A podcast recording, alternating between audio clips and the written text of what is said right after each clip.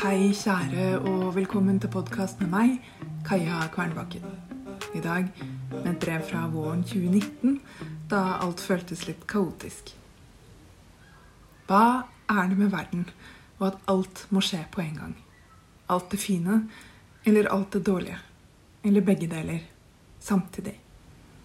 Dette året har føltes som en virvelvind. Og denne måneden som en virvelvind i miniatyr. Jeg vet ikke helt hvor jeg skal få fotfeste, eller hvordan. Eller hva som er opp, og hva som er ned. Hvis jeg strekker foten ut mot det jeg tror er bakken, og det viser seg å være en luftspeiling, hva skjer da? Går jeg på trynet, eller suges jeg inn og fortsetter å slynges rundt inni denne skypumpen til evig tid? Eller til den kommer ut over kjøligere farvann og mister kraft? Og når gjør den det? Jeg vet ikke. Jeg forsøker å klamre meg til det fine, det jeg vet er bra. Sove, skrive, grønnsaker, klemmer.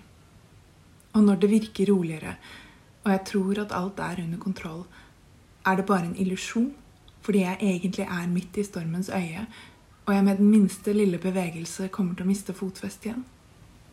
Jeg vet ikke. Det jeg vet, er at livet er. Livet gjør. I går leste jeg på lanseringen til Karen Havelins Les pakningsvedlegget nøye. Det var en utrolig fin kveld med masse interessante samtaler både på scenen og utenfor.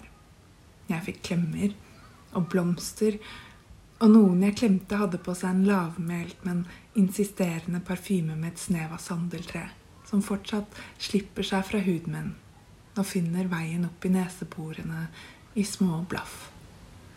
Lukta av et menneske jeg kjenner, men ikke vet hvem er. Og som har innmari god smak i parfyme. Jeg håper du finner ro og glede i kjærlighet. Din Kaja. Forresten, setter du pris på denne podkasten? Klikk på lenken i episodebeskrivelsen for å støtte den med et lite beløp, og del episoden med andre du tror vil sette pris på den. Det setter jeg pris på.